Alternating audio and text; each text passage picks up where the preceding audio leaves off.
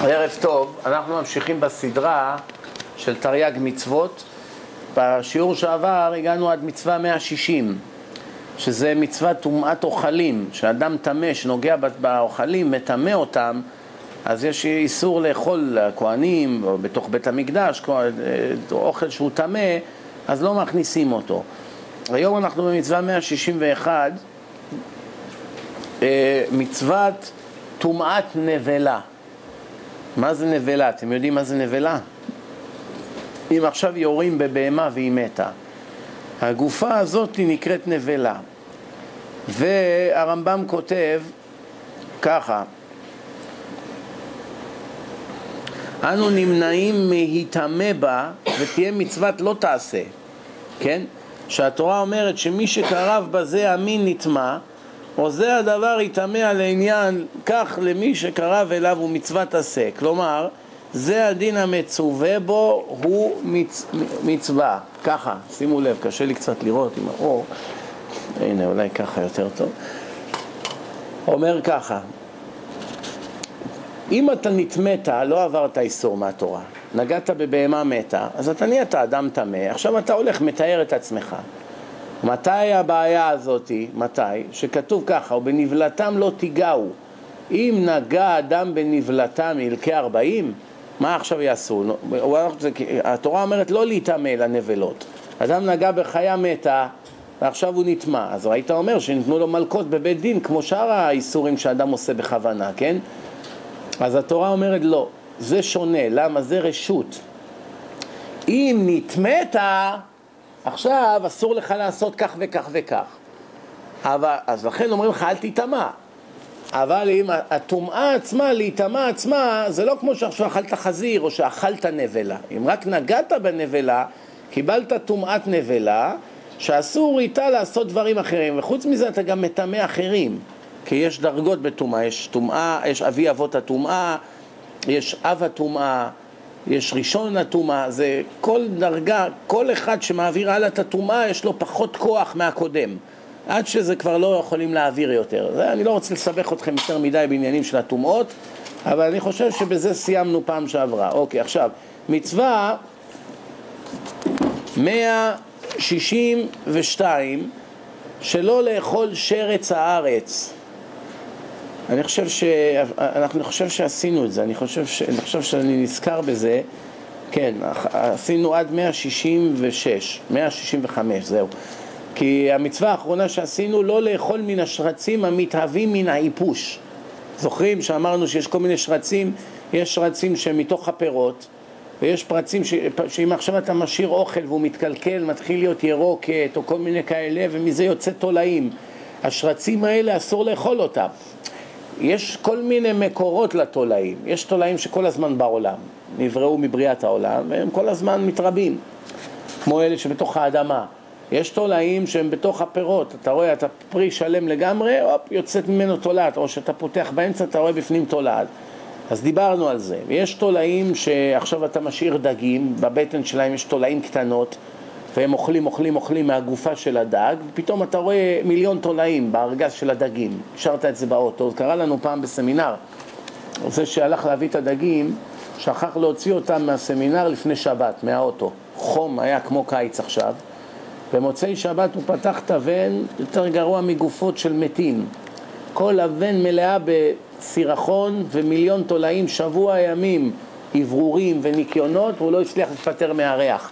אבל מאיפה באו המיליון תולעים שהיו שם? כל הוון שלו מלאה בתולעים. זה תולעים שנמצאים כל הזמן בתוך הדגים. רק, בדיוק, אנחנו גם אוכלים אותם. רק מה, הן כאלה קטנות, הן מיקרוסקופיות שלא רואים אותן, אבל אם אתה משאיר אותן 24 אה, שעות שהן יונקות מהדג, לאט לאט הן גדלות, פתאום אתה מתחיל לראות אותן. מה שמיקרוסקופי התורה לא אסרה. גם כשאתה שותה מים יש בפנים תולעים. הם בגודל אלפית המילימטר, אתה לא יכול לראות את זה בכלל. אתה צריך טלסקופ כדי לראות אותם זזים בתוך היין, בתוך ה vinegar, בתוך המים, קטנות מאוד התולעים האלה. כאלה תולעים התורה לא אסרה, כי זה דרך העולם, כי אדם, אסור לו לאכול תולעים שאפשר לראות אותם בעין אדם, לא במיקרוסקופ, כי גם בזמן התורה לא היה מיקרוסקופים, לא היה שום דרך לראות את זה. אך אם הייתה איזו תולעת מיקרוסקופית שם, לא עברת איסור מהתורה. יש ויכוח גדול בין החכמים, גדולי החכמים, כי ידוע שמי שאוכל שרצים ושקצים ותולעים ואוכל לא כשר זה מטמא לו את הנשמה, מטמא לו את הנפש. רק מתווכחים על תולעים כאלה שאי אפשר לראות אותם בעין בלתי מזוינת, האם התולעים האלה גם כן מטמאים את הנפש או לא? כי מבחינת התורה מותר הרי לאכול אותם, זה לא איסור כי לא רואים אותם. אבל השאלה אם זה כמו ברעל, שאדם עכשיו אוכל קצת רעל. זה שהוא לא רואה את זה, שהחביאו לו את זה בתוך הסנדוויץ', זה לא אומר שהוא לא יהיה חולה או שלא ימות. אז הוא יכול להגיד, אה, למה אני חולה? לא ראיתי את הרעל, זה לא אשמתי. אז מה עונים לו? נכון שזה לא אשמתך, אבל זה מציאות. אכלת רעל, נפגעת. זה כבר מציאות, זה לא עכשיו, זה לא תלוי בחטאת או לא חטאת. מציאות. יש חלק מהפוסקים שאומרים, שמע חביבי, אכלת, נפגעת. ויש כאלה אומרים לא. כל הסיבה שאתה נהיה חולה וזה הורג אותך וכל הדברים האלה וזה מטמא אותך, זה למה? בגלל שאתה עובר איסור. אז הקדוש ברוך הוא העניש אותך, זה מטמא לך את הנפש. אבל מה שלא עשית נגד חוקי התורה, למה שזה יטמא לך את הנפש? בתכלס זו שאלה שאין לה פתרון עד שהמשיח יבוא. חלק אומרים ככה, חלק אומרים ככה. לכן אדם חכם, הוא צריך להיות מאוד מאוד להיות זהיר. כמה שפחות, לא, לא לאכול למשל חסות, ברוקולי, דברים כאלה, הם מלאים בתולעים כל הזמן. כל הזמן, אי אפשר לראות אותם. רק מה, אחרי שאתה שם אותם על סדין, פתאום אתה רואה נקודות ירוקות. אחרי שעה, שעתיים אתה בא, אתה רואה ממש נקודות קטנות, קטנות, כחוד המחט, שזה כאלה מין כמו... אי אפשר להסביר מה זה, זה כנימות כאלו, אותו דבר strawberry, הם אדומים, אתה לא רואה אותם, הם על... strawberry היום בעצם אי אפשר לאכול אה, אה, תות, תות שדה. כמה שתנקה את זה ותשטוף, יש דבוקים שם, אם תראה במיקרוסקופ אז תבין. אז אני למשל לא נוגע בזה, למה כמה שתנקה זה לא יעזור. ברוק... לא, לא, בסדר, התולעים האלה לא, לא, לא גורמים לך לבעיה מבחינה פיזית. אתה לא נהיה חולה בגללם. אמרתי לך, אתה אוכל דברים יותר גרועים, לאכול בשר, זה גם כן, זה לא... הגוף שלך, כמו שאתה אומר, האסיד מפרק את הכל, אבל אני מדבר עכשיו מבחינה רוחנית, אם זה מטמא את הנפש או לא, זה השאלה. זה הנקודה, אוקיי. אז עכשיו יש לנו מצוות 166. מצווה 166, מצוות עניין טומאת יולדת. יולדת שילדה תינוק, אוטומטית יש עליה טומאה. ככה כתוב בתורה. התורה אומרת ככה, כשהיא ילדה זכר, היא טמאה שבעת ימים. נולד לבן, שבעה ימים היא טמאה. ואם היא יולדת נקבה, היא טמאה שבועיים. נקבה, טומאה שבועיים. לא, לזכור, לא לשכוח, טומאה זה לא לכלוך. היא יכולה להתרחץ כל היום בג'קוזי שלה עם פסמים ומה שאתה רק רוצה. היא חיטטה את כל הגוף מאה אחוז והיא מאה אחוז טמאה. זה עניינים רוחניים, זה לא עניינים של ניקיון, כן? שנאמר אישה כי תזריע, מה זה תזריע? נקלט בה הזרע, היא התעברה, וילדה זכר, וטמאה שבעת ימים. ומה הסוף של הפסוק? ואם נקבה תלד, וטמאה שבועיים, שני שבועות, כן? זאתי טומאה מן התורה. עכשיו, מצווה אה, 167 שלא יאכל טמא מן הקודשים. אם אתם זוכרים בשיעורים שעברו הסברתי לכם מה ההבדלים בין הקורבנות. קודשים קלים, קודש קודשים, קורבן עולה, קורבן, אה, כל הקורבנות שיש לנו, קורבן חטאת וכולי, כל אחד יש לו חוקים משלו. אחד הדברים זה אמרנו שיש קורבנות שקוראים להם קודשים, וכהן שהוא טמא או אדם שהוא טמא, אין לו רשות לאכול, הכהן הזה הוא לא יכול לאכול ממנו עד שיטבול, הוא טובל במי מעיין או, או מי גשמים, כן? ויעריב שמשו. מה זה יעריב שמשו? אם הוא טבל באחד בצהריים, אחרי הטבילה הוא נהיה טהור, נכון? אם עכשיו אדם היה טמא, נכנס למקווה ויצא, נהיה טהור. לא במקרה הזה, זה לא מספיק. הוא צריך לחכות עד שתשקע השמש, שמתחיל יום חדש. זאת אומרת, ברגע שנטמאת היום, אתה כבר טמא לכל היום. אפילו שכבר טבלת, צריך שיעריב השמש.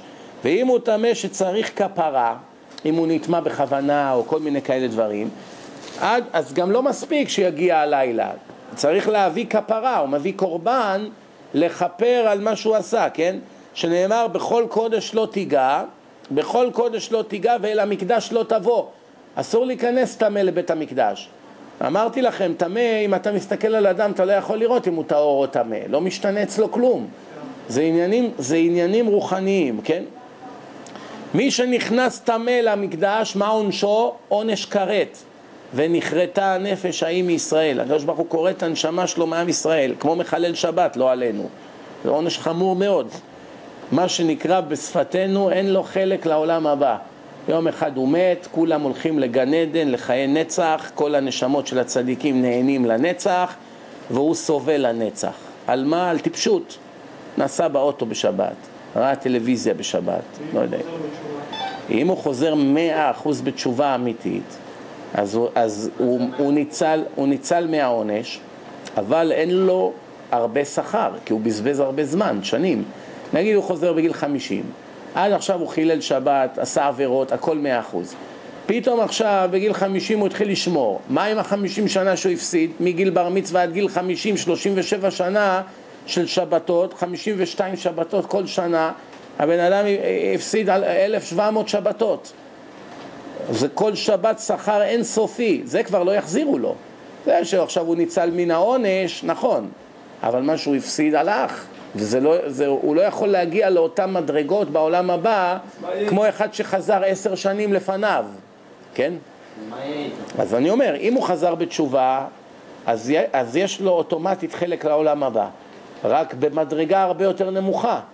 אבל לחזור בתשובה, מי שמכם רוצה לדעת מה זה לחזור בתשובה, ישמע את הסדרה שעשיתי אה, על אה, תשובה, הלכות תשובה, יש לנו את זה גם בעברית, גם באנגלית, שם תראה מה זה נקרא לחזור בתשובה, כי יש כאלה שחושבים לשים כיפה וציצית, זהו, קצת גידל זקן, יאללה, נהייתי דתי. זה לא עובד ככה, זה צריך ללכת מדבר דבר ולתקן אותו. בכל אופן, זה היה מצווה 167. מצווה 168, מצוות קורבן יולדת. מה זה מצוות קורבן יולדת? אחרי שהאישה ילדה תינוק, מביאים קורבן ביום שנשלמו ימי הטומאה. זוכרים מה אמרנו? אם היא ילדה זכר, היא טמאה שבוע. כשנגמר השבוע, היא מביאה קורבן, כבש בן שנה ובן יונה, גוזל, או תור, זה סוג אחר של יונה, לחטאת. אם היא אישה ענייה שלא יכולה להרשות לעצמה להביא כבש, כבש בימינו זה 300 דולר, לא לכל אחד יש, תקריב שני תורים או שני בני יונה, קונה שני יונים, 5 דולר כל אחד בימינו, מביאה. אז 10 דולר במקום 300, כן? אחד לעולה ואחד לחטאת, שנאמר, ובמלאת ימי טהורה, שגם, שנגמרו לה ימי טהרה, אם זה זכר שבוע, אם זה נקבה שבועיים, לבן או לבת, כן? תביא, כן? והיא מחוסרת כפרת שתקריב קורבנה. זאת אומרת, כל עוד, אפילו שנגמרה הטומאה שלה, כל עוד היא לא הביא, הקריבה את הקורבן, אין לה עדיין כפרה על זה. היא חייבת להביא את הקורבן ואז הכל מתחפר, כן? למשל, כתוב ככה: אין היולדת מביאה קורבנה ביום ארבעים לזכר וביום שמונים לנקבה, כן? אלא מה מדובר פה? למחר שהוא יום 41 וכן ביום ה-80 שנאמר ובמלאת ימי טהרה. אוקיי, סליחה, אני רוצה לתקן כאן טעות. אנחנו אמרנו שהיא יולדת, אז היא טמאה שבעה ימים לזכר, שבועיים לנקבה.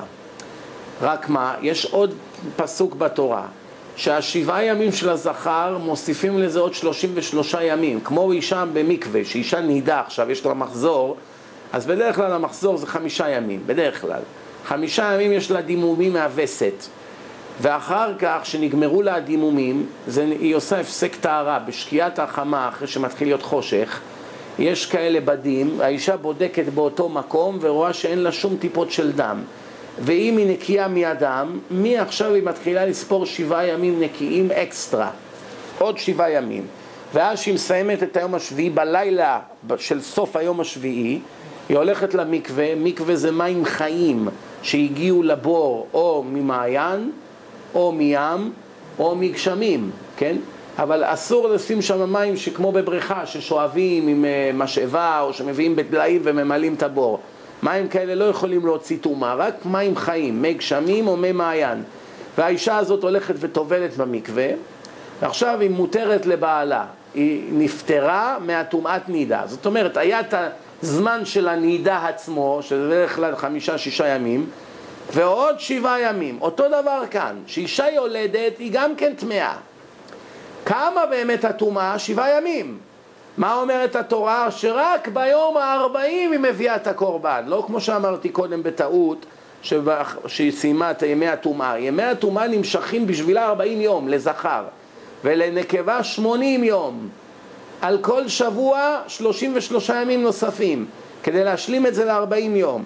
וזה מה שנקרא, ובמלאת ימי טהורה, מה זה ובמלאת? זה לא השבעה ימים, זה ארבעים יום לזכר, ולנקבה שמונים יום.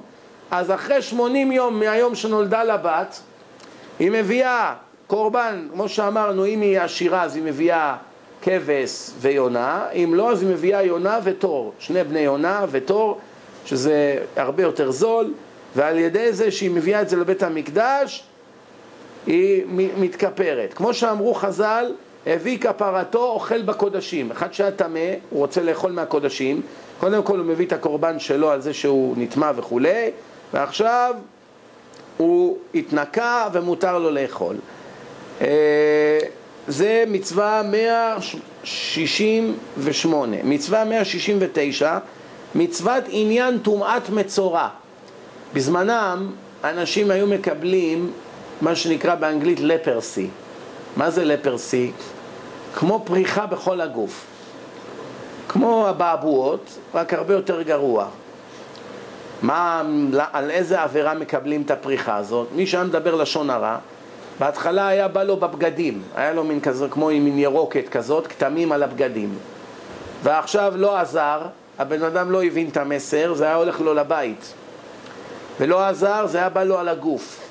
עכשיו שזה בא לו על הגוף, זה בעיה רצינית. למה? קודם כל מוציאים אותו מהמחנה של בני ישראל לשבעה ימים.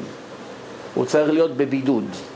אחרי שבעה ימים יש כל מיני חוקים, גלחים לו את השערות, טובל במקווה וכולי, והכהן בודק את הנגעים שלו, אם כשר, לא כשר, יש כל מיני עניינים, ספחת, בערק, ממש מסובך זה. היום בימינו אין את זה, אין לנו את הזכות לראות ניסים גלויים כמו פעם.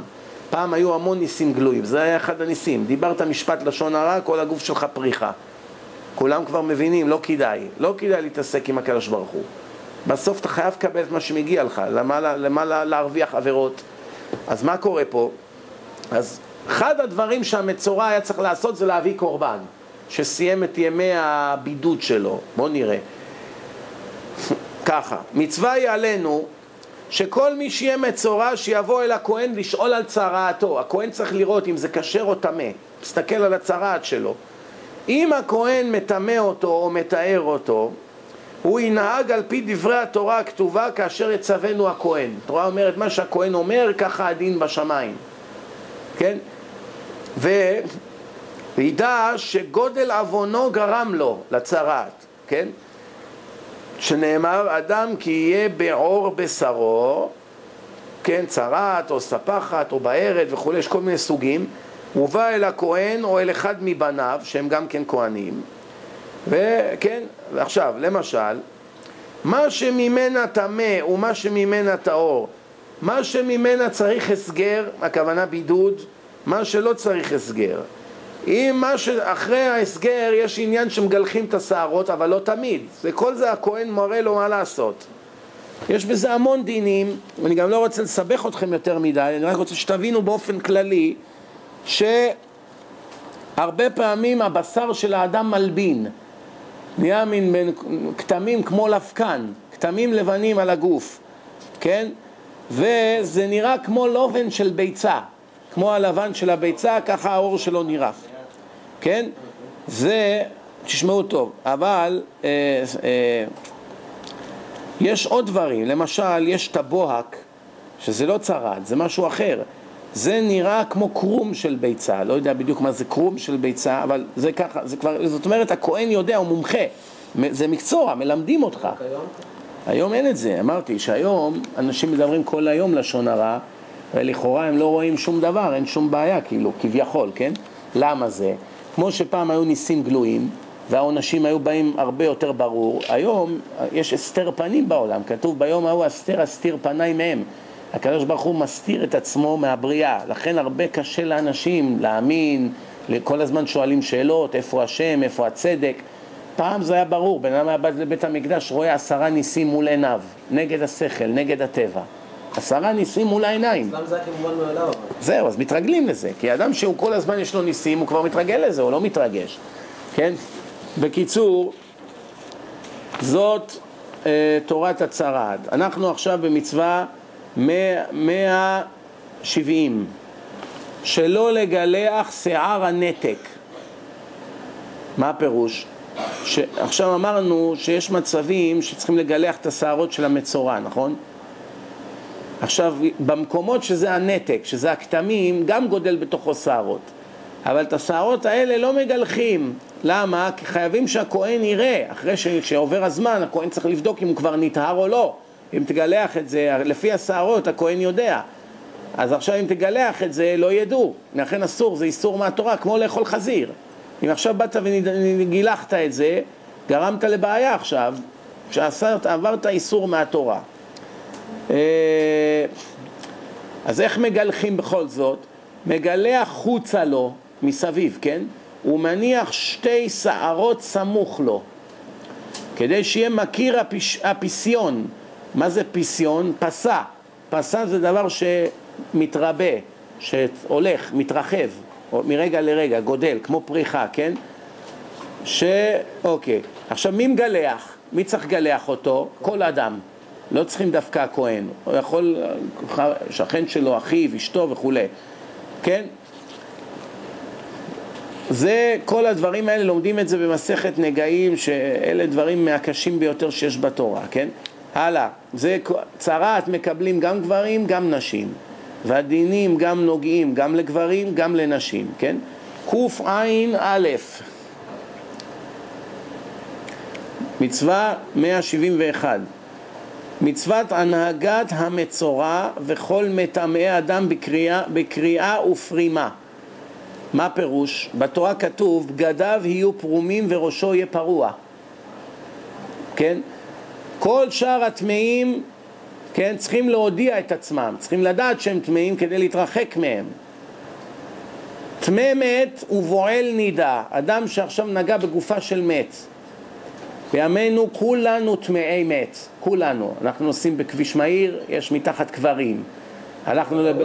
אה? בוודאות יש? תמיד יש. אם אתה נוסע שעה על כביש מהיר, בטוח שעברת מעל איזה קבר של יהודי, לצערנו, מהדורות הקודמים. בארץ, גם פה. רק קברים, קברים של מתים לא מטמאים. יש עניינים, מה, גופה של יהודי, גופה של גוי, יש כזה טומאת אוהל, לא טומאת אוהל, אם יש מעליך גג, יש כל מיני דינים בזה. אבל נכנסת לבית חולים, כל פעם שבאת לבית חולים, בטוח שבאותו בית חולים לפחות מת אחד היה. אז ברגע שמת אחד מת בכל הבניין, כל החדרים, כל הבית חולים, הכל מתמלא בטומאת מת. שומעים? לכן כהנים אסור להם להיכנס לבתי חולים. כן? כן? בגלל שכל הזמן יש מתים. או כהנים לא יכולים לטוס למשל במטוס, למשל אל על כל הזמן מטיסים מתים לארץ. כהנים צדיקים, הם מטלפנים לאל על לפני לברר שאין בטיסה גופה, כי אם יש גופה, הם יושבים מעל הגופה עכשיו. כבר עשו בטיסה שהם יטוסו לא מעל בתי קברות. כן, גם זה. גם זה לא רוצים שהמטוס יטוס מעל בתי קברות, משנים להם את המסלולים בגלל הכהנים. אם לא טוב, אתה לא מרגיש כלום, זה אתה לא מרגיש שנטמאת. פעם הרגישו, כי היו נשמות גבוהות מאוד. לא אם יש להם משהו. לא, אם הם חולים, אז הם הולכים. אז רגע, אז רק שתבינו מה הנקודה פה עכשיו. עכשיו, מה קורה אם אדם נטמע? אף אם, אדם נטמע, שומעים? אם אדם נטמע, מה עכשיו הנקודה? איך מטהרים אדם שנגע בגופה של מת? אפר של פרה אדומה, כן? צריכים להשפריץ, להשפריץ עליו את האפר של הפרה האדומה עם המים של נקבת השילוח שם, של מי שילוח. המים האלה מעורבים עם אזוב ותבלין, אני חושב שזה זעתר בימינו, אבל לא טחון ככה, שזה עדיין אלים. עץ ארז, שזה העץ הכי גבוה, ומה השלישי? אה, יש, אה, לא, אה, עץ אזוב ותולעת, תולעת שני. למה, למה עץ ארז ותולעת שני ואזוב? עץ ארז זה סימן לגאווה, זה עץ הכי גבוה, כאילו, איך אומרים? אני כאן. אלה שהולכים ככה זקוף כדי שיראו אותם. ושני הדברים האחרים הם דברים שפלים. אזוב זה שיח הכי נמוך שיש, הכי מושפל, ותולעת זה מהחיות, זה הדבר הכי מושפל שעל הארץ כל הזמן, כן? אז רצו שיהיה רוב של ענווה נגד הגאווה. הקדוש ברוך הוא שאמר לערבב עם המים האלה עץ ארז ושני דברים של ענווה, של המבול, שבן אדם הוא צנוע, מושפל, אומרים, קוראים באנגלית down to earth, על הארץ. כמו שמשה רבנו ואהרון מה אמרו? אנחנו מה?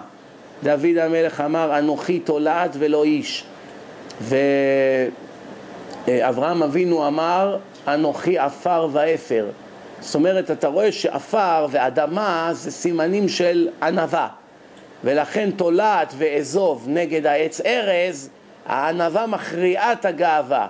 הבנתם? ואז זה מתאר את האדם עם המים האלה שהם מים חיים שיוצאים מנקבת השילוח, מי השילוח והאפר של הפרה אחרי ששחטו אותה ושרפו אותה נהיה אפר, מערבבים את הכל ומשפריצים על הטמאים. כל מי שמקבל מהמים האלה נטהר. בימינו אין את האפר הזה, לכן כולנו טמאי מתים. אז עכשיו, אדם שהוא טמא מת, אז בזמנם היה צריך להודיע שהוא נכנס בטעות לבית קברות שהוא היה מול גופה, מישהו מת אצלו בבית, לא עלינו, אז כל הבית נטמע, אז הוא לא הספיק לברוח. הוא חייב להודיע, כי לא רואים על המצח שלו אם הוא טמא או לא, הוא צריך להודיע. לפעמים אנשים בעצמם לא ידעו. נכנסת לאיזה בית גדול, והיה מישהו בחדר שמת ולא ידעת, ויצאת רגע. נטמאת ולא ידעת. כאן מדובר על אדם שיודע עכשיו. או אחד שקיים יחסים לא עלינו עם אישה נידה, בין בזה אשתו, בין בזה לא אשתו.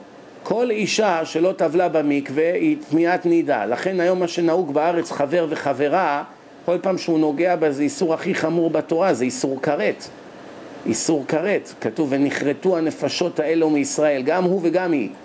לכן צריכים להיות מאוד זהירים בדברים האלה. גם עכשיו אדם עם אשתו, אם היא לא טבלה במקווה, זה יותר גרוע מלשכב עם אימא שלו.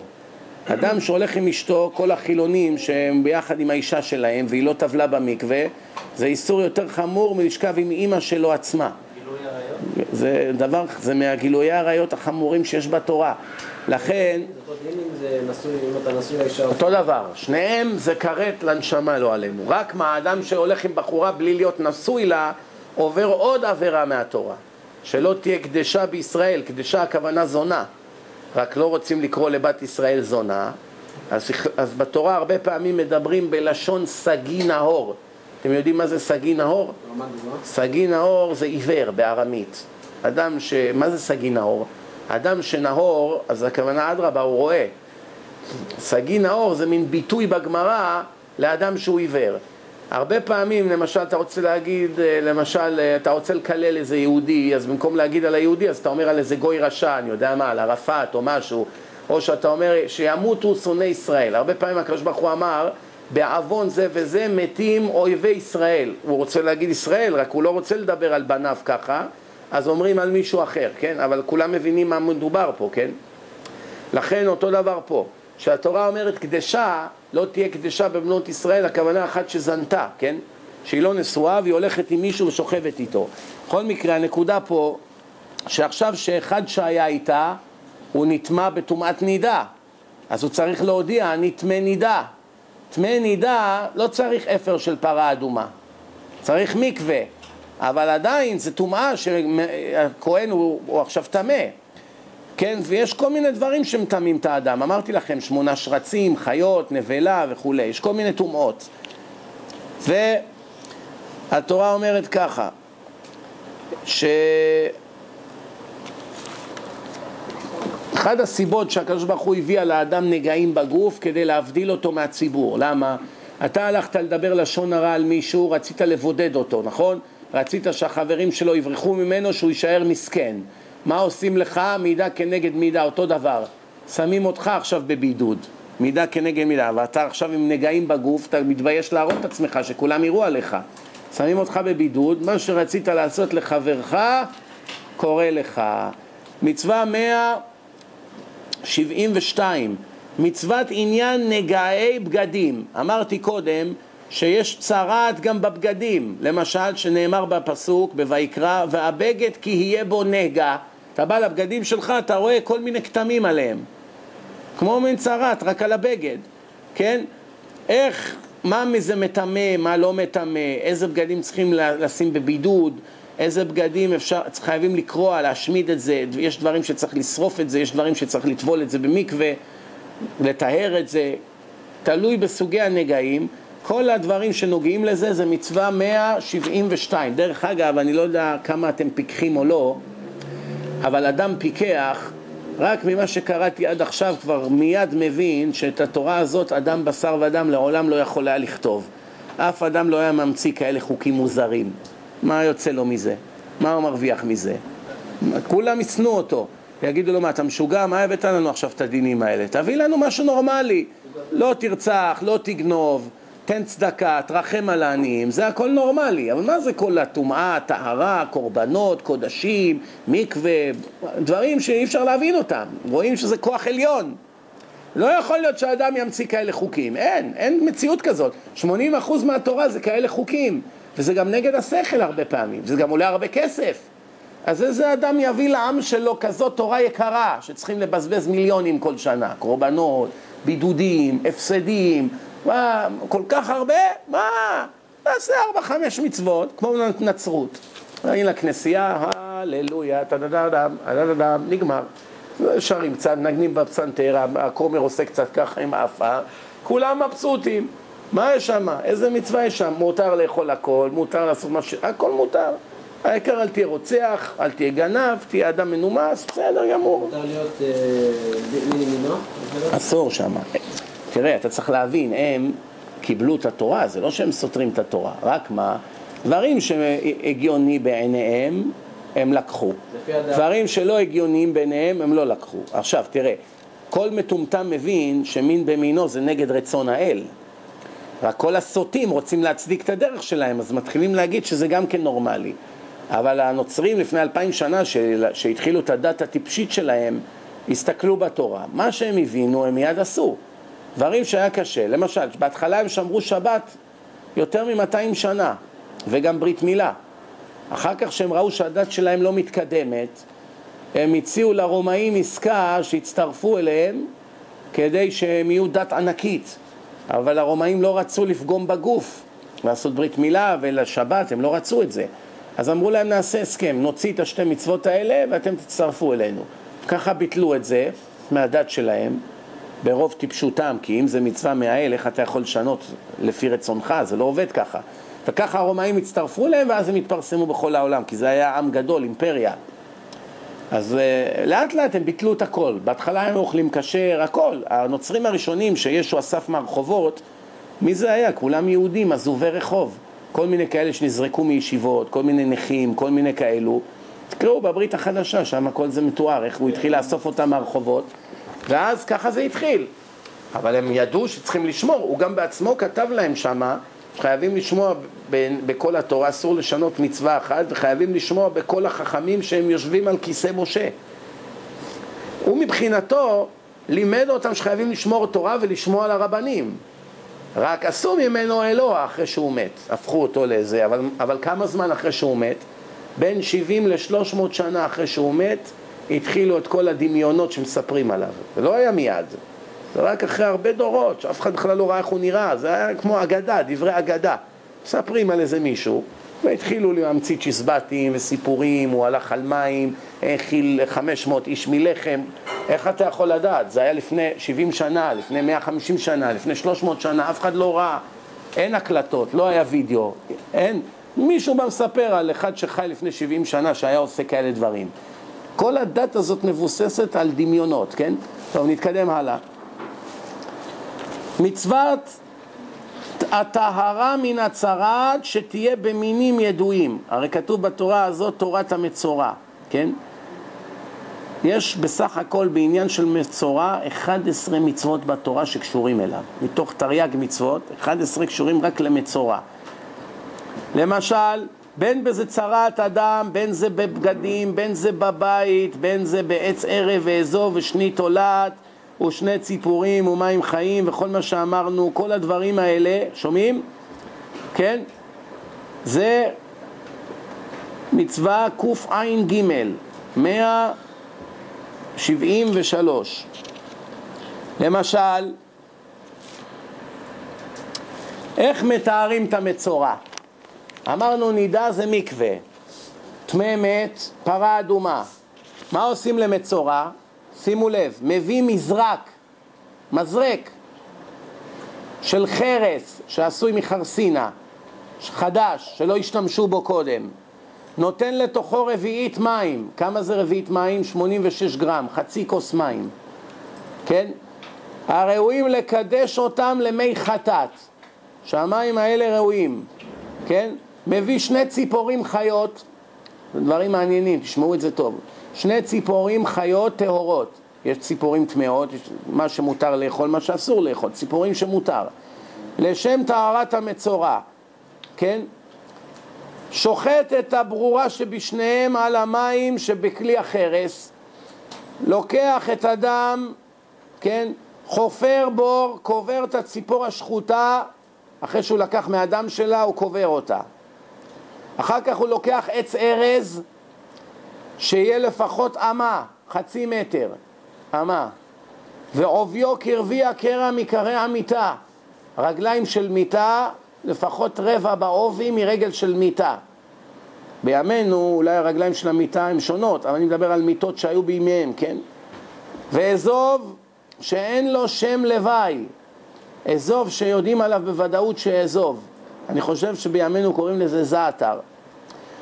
לא פחות מטפח, טפח זה כף יד, בערך עשרה סנטימטר, כן?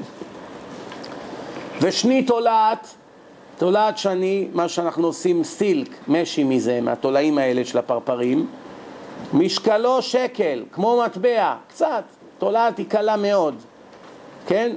אם הוא טעם מזה, פסלו, כי צביעות התכלת שנפסל בטעימה, כן? אם הוא טעם מהתערובת הזאת, הכל נפסל, כן? אחר כך הוא לוקח עם שלושתם ציפור חיה, הרי אמרנו שיש עוד ציפור שהיא חיה, כן?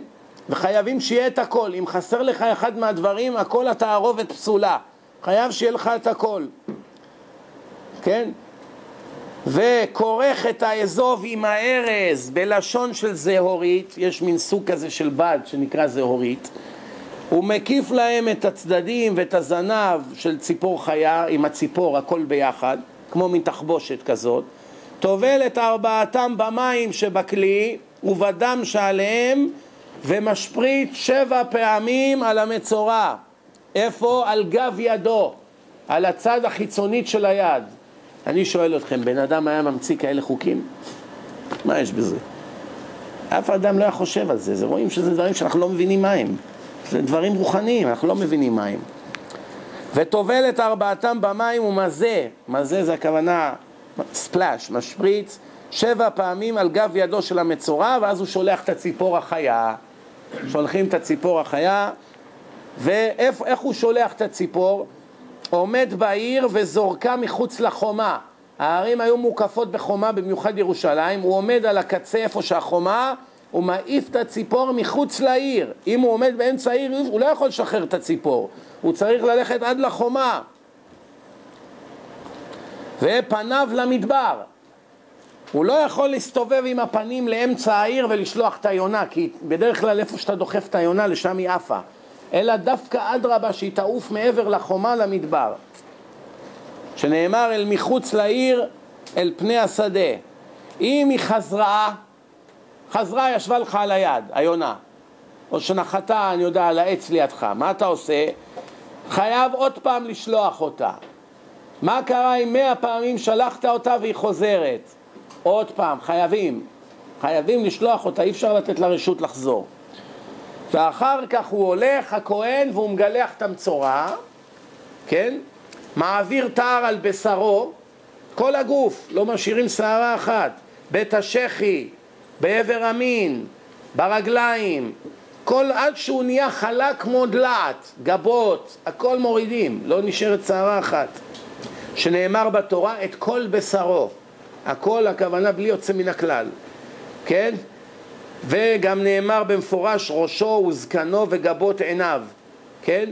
חוץ מהשערות שבתוך האף, שזה בלוע בתוך הגוף. את השערות האלה הוא לא חייב להוריד לו, כן? אחר כך הוא מכבס את בגדיו וטובל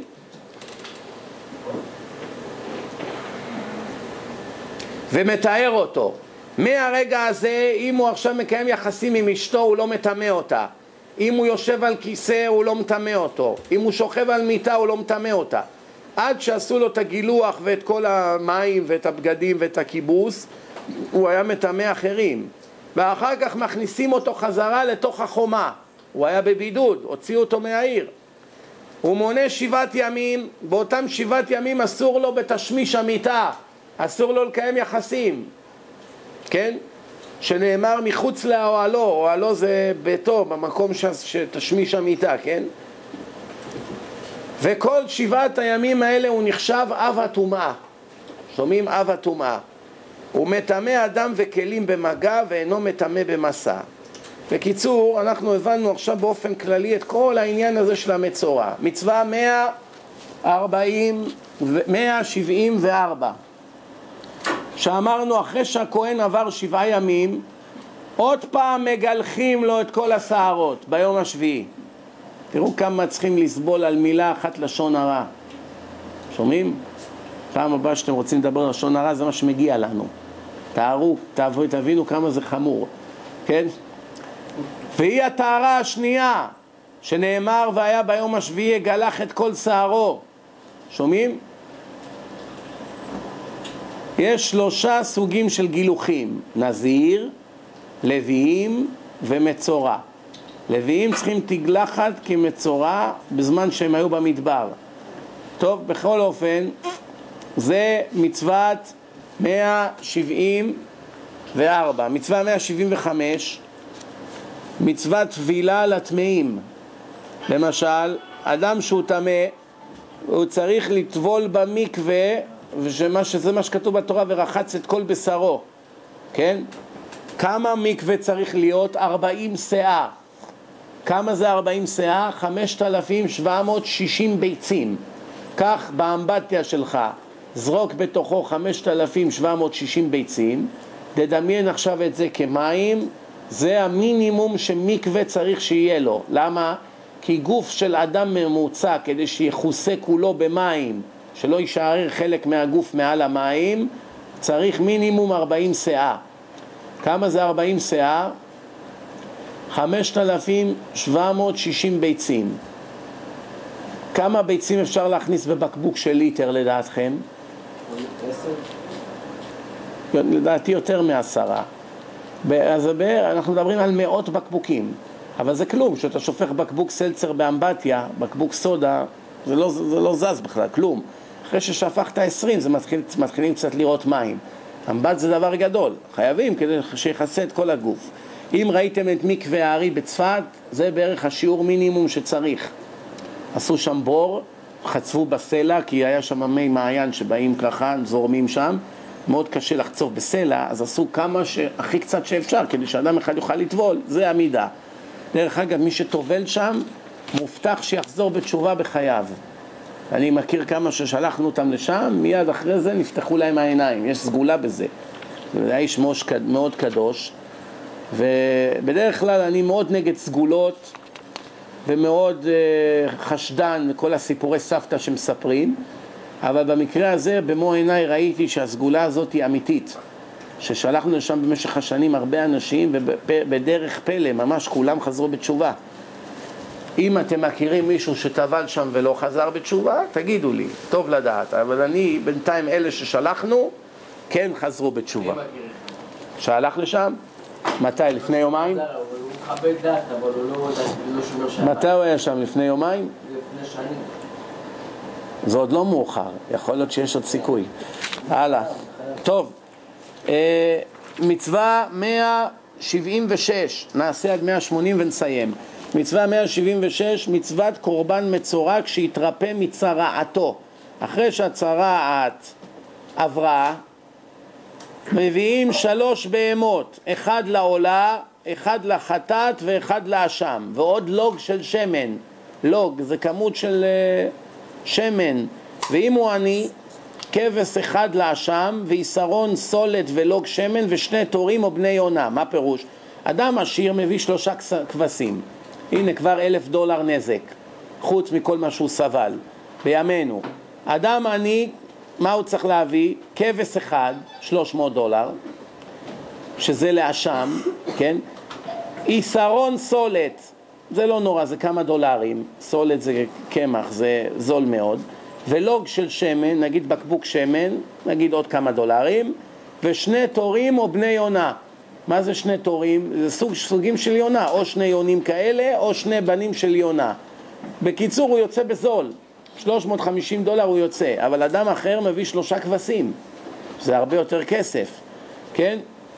שנאמר ביום השמיני ייקח שני כבשים תמימים וכבשה אחת, שניים ועוד אחד, והתורה מסבירה, זה הקורבן שהוא מקריב אחרי שהוא מתרפא מהצרת שהייתה לו. מצווה 177 מצוות עניין טומאת בית שיהיה בו נגע. זאת אומרת, אם ראינו בקירות של הבית נגעים, מה עכשיו צריכים לעשות?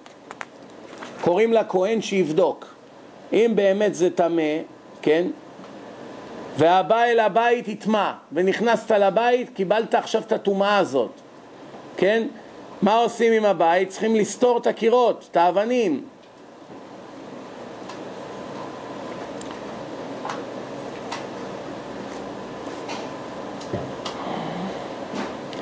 מה הצבעים של הנגעים שיש בקירות? אדמדם, כן? ומתפשט כמו סרטן. איך סרטן מתפשט? ככה זה מתפשט. מה המינימום שצריך כדי שזה ייחשב? שני גריסים, כמו שני חתיכות שועית. ברגע שכבר רואים את זה, כבר התחילה... היום בימינו יש מולד. אם יש לך שיטפון, במיוחד פה יש שיטרה, כל הקירות זה מגבס, אז הקירות נספגים במים, אחרי שבוע אתה רואה הכל סימנים ירוקים ושחורים. זה נקרא מולד, עובש, בעברית עובש. בזמנם היה הרבה יותר גרוע, כי אתה נטמע וכל הדברים נטמעים, סיפור. בקיצור, היו צריכים לסתור את הקירות. זה מצוות של טומאת בתים של צרעת. מצווה 178, מצוות עניין טומאת זב להיות טמא ומטמא. יש טומאת נידה ויש טומאת זבה. קשה מאוד בימינו לדעת את ההבדל, אבל בזמנם ידעו להבדיל. למשל, שנאמר איש כי יהיה זב מבשרו, וזאת תהיה טומאתו, כן? זאת אומרת, עבר המין שלו יוצאים לו הפרשות כל הזמן, וההפרשות האלה הן טמאות, זה מטמא את כל הגוף, ולא רק שזה מטמא את עצמו, גם אחרים שנוגעים בו נטמעים יחד. תראו איזה חיים מסובכים היו בזמן בית המקדש. האנשים היו כל הזמן קדושים וטהורים, כי כל הזמן דאגו מה לגעת, לא לגעת. חיים היו אחרים לגמרי. היום בן אדם נוגע במה שהוא רוצה, הולך איפה שרוצה. כל שנייה מהחיים של היהודי הוא היה צריך לחשוב בלי הפסקה.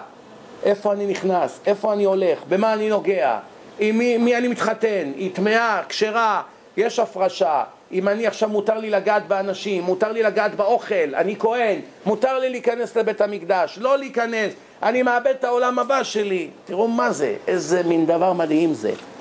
מי שבאמת נלמד את זה לעומק, קשה להאמין איך אנשים יכלו לעמוד בזה. וזה מה שכתוב, רצה הקדוש ברוך הוא לזכות את ישראל, לפיכך הרבה להם תורה ומצוות. בגלל שהקדוש ברוך הוא רצה לזכות את עם ישראל, בזכות זה הוא נתן לנו הרבה הרבה הרבה מצוות בלי סוף. הרבה. למה? כדי לתת לנו שכר ענק לעולם הנצח. ומצווה 179, שהזב מתרפא, הוא גם כן צריך להביא קורבן. ביום השמיני 178, 179. כן, 178 זה היה קורבן שהזב מביא. אה, זה היה, סליחה, זה היה אה, טומאת זב להיות טמא ומטמא, כן? עכשיו אומרים לו שביום השמיני אחרי שהתרפאת אתה מביא שני, בני, שני תורים. תורים זה יונים, אתם יודעים מה זה תורים, יש את זה בארץ הרבה, הם באים יושבים על המעקה, כן?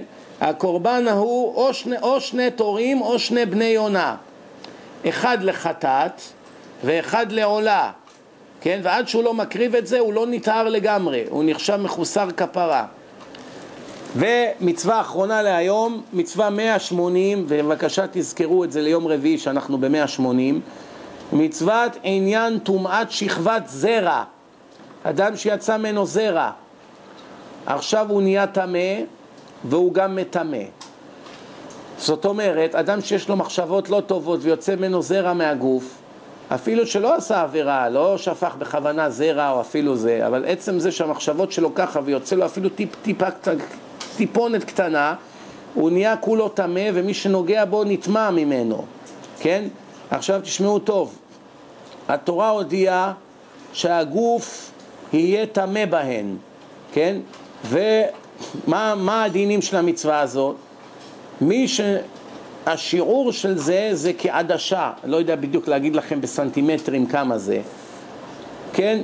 זה בין באדם הוציא זרע בכוונה, בין ביצא לו בלי כוונה, בחלום הלילה או כל מיני כאלה דברים, שהוא התאפק שלא, אבל הוא לא יכל לעצור את זה. בכל מקרה הוא טמא. אבל מדובר כאן על אלה שמגיל בר מצווה ומעלה. מתחת לזה, אם יוצא, זה לא נחשב זרע, כי זה רק נוזל, אבל אין בזה את הזרעונים. זרעונים זה נשמות, זה לא צחוק. כל פעם שאדם עושה איסור של זרע לבטלה, זה נחשב שהוא רצח אלפים אם לא מיליוני אנשים. זה לא צחוק. זה רצח, זה ג'נוסייד, זה דבר נורא ואיום. לכן אנשים שמתים לא מכניסים את הילדים שלהם בירושלים לבית הקברות. למה? אם האבא הזה שפך לא עלינו, אז עכשיו כל המהלכים השחורים שנבראו מהזרע לבטלה רוצים להתנקם בילדים, הם צועקים אבא, אבא, אבא. הם הולכים אחרי הגופה שלו לקבר והשם ירחם מה קורה לו בעולם הבא. זה העבירה שמי שעושה אותה במזיד הולך למדור השביעי בגיהנום ואינו יוצא משם לעולם. יש רק שלוש עבירות בתורה שמי שהולך לגיהנום על העבירות האלה אף פעם לא יוצא משם. כל שאר העבירות נגמר הגיהנום, האדם הולך לגן עדן לקבל על המצוות שלו. שלוש עבירות אין עליהם סוף לעונש. מחלל שבת, שופך זרע לבטלה במזיד ועושה חילול השם, מבייש שם שמיים ברבים. גונב ברבים, מקלל, עושה דברים שאומרים תראו את היהודים האלה איך הם מתנהגים, מבזה את הגויים, הוא בוס, הוא מעליב אותם, אה, כל מיני כאלה דברים, ואז יוצא שם רע ליהדות בגללו, זה נחשב חילול השם. הבנתם? לכן, תזכרו טוב, שלוש עבירות לעולם אין שום דרך אפילו פעם אחת לעשות אותן, אפילו חצי פעם, אפילו מה שלא יהיה לעולם אתה לא מסכים.